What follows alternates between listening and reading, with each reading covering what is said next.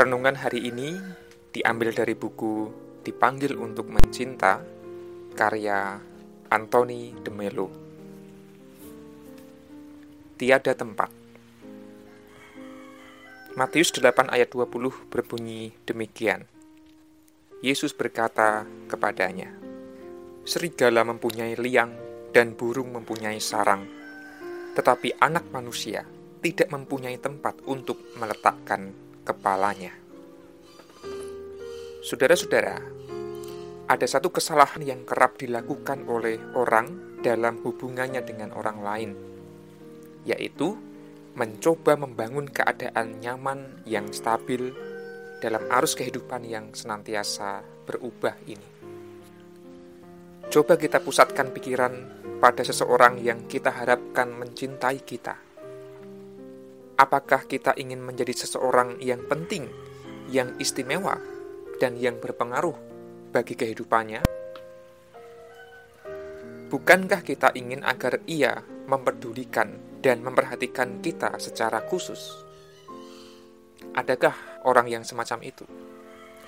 Jikalau jawabannya adalah ya, bukalah mata dan pikiran kita, dan lihatlah betapa kita telah tersesat, karena kita mengizinkan orang lain untuk menyisihkan diri kita demi kepentingan mereka, membatasi kebebasan kita demi keuntungan mereka, mengontrol tingkah laku, pertumbuhan, dan perkembangan kita agar sesuai dengan kepentingan mereka. Seolah-olah orang itu berkata, jika ingin menjadi istimewa bagi saya, kamu harus memenuhi syarat-syarat saya. Begitu tindakanmu tidak sesuai dengan harapan saya, kamu pun tidak lagi istimewa bagi saya.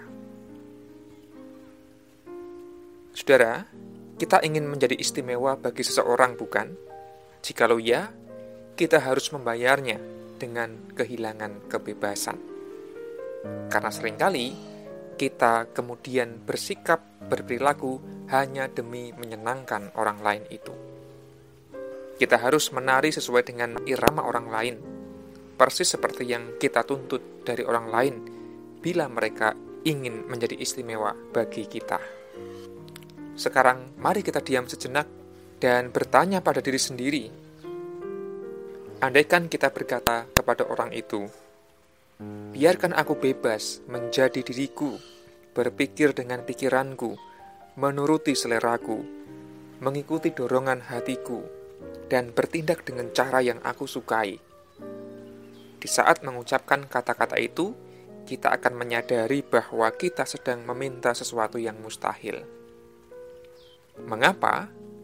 Karena jikalau kita berusaha menjadi istimewa bagi seorang, itu berarti kita harus membuat diri kita menyenangkan orang itu. Itu sama dengan menghilangkan kebebasan kita sendiri. Pahamilah ini baik-baik. Saudara-saudara, kini mungkin kita siap untuk mengatakan, aku lebih suka memiliki kebebasan daripada perhatian orang lain. Maka katakanlah kepada orang itu, aku membiarkan kamu bebas menjadi dirimu sendiri, berpikir menurut pikiranmu, menuruti seleramu, mengikuti dorongan hatimu, bertindak dengan cara apa pun yang kamu sukai. Hati kita menyuarakan kata-kata di atas dengan tulus, dan saat itu juga semua kekangan, manipulasi, eksploitasi, dominasi, dan rasa iri akan hilang. Aku membiarkan kamu bebas menjadi dirimu sendiri, berpikir menurut pikiranmu, menuruti seleramu, mengikuti dorongan hatimu, dan bertindak dengan cara yang kamu sukai, meskipun itu tidak menyenangkan bagiku, dan meskipun aku tidak lalu menjadi istimewa bagimu. Itulah kalimat yang perlu diucapkan dalam hati kita dengan berani. Orang atau pribadi itu secara otomatis menjadi tidak istimewa dan tidak penting lagi bagi kita ia menjadi penting karena dirinya, seperti matahari terbenam atau simfoni yang menjadi indah, ya karena mereka sendiri memang indah, bukan disesuaikan dengan selera atau tuntutan kita.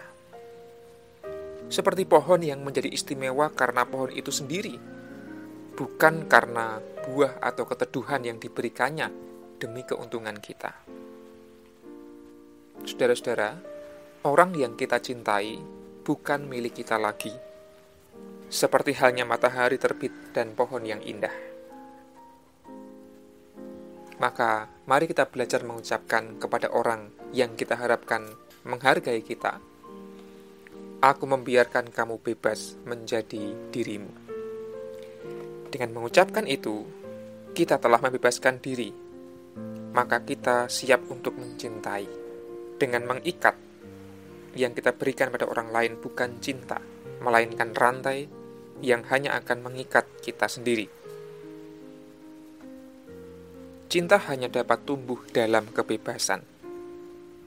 Orang yang sungguh-sungguh mencintai akan mengusahakan kebaikan orang yang dicintai. Untuk mengusahakan itu, yang utama adalah memberikan kebebasan bagi orang yang dicintai.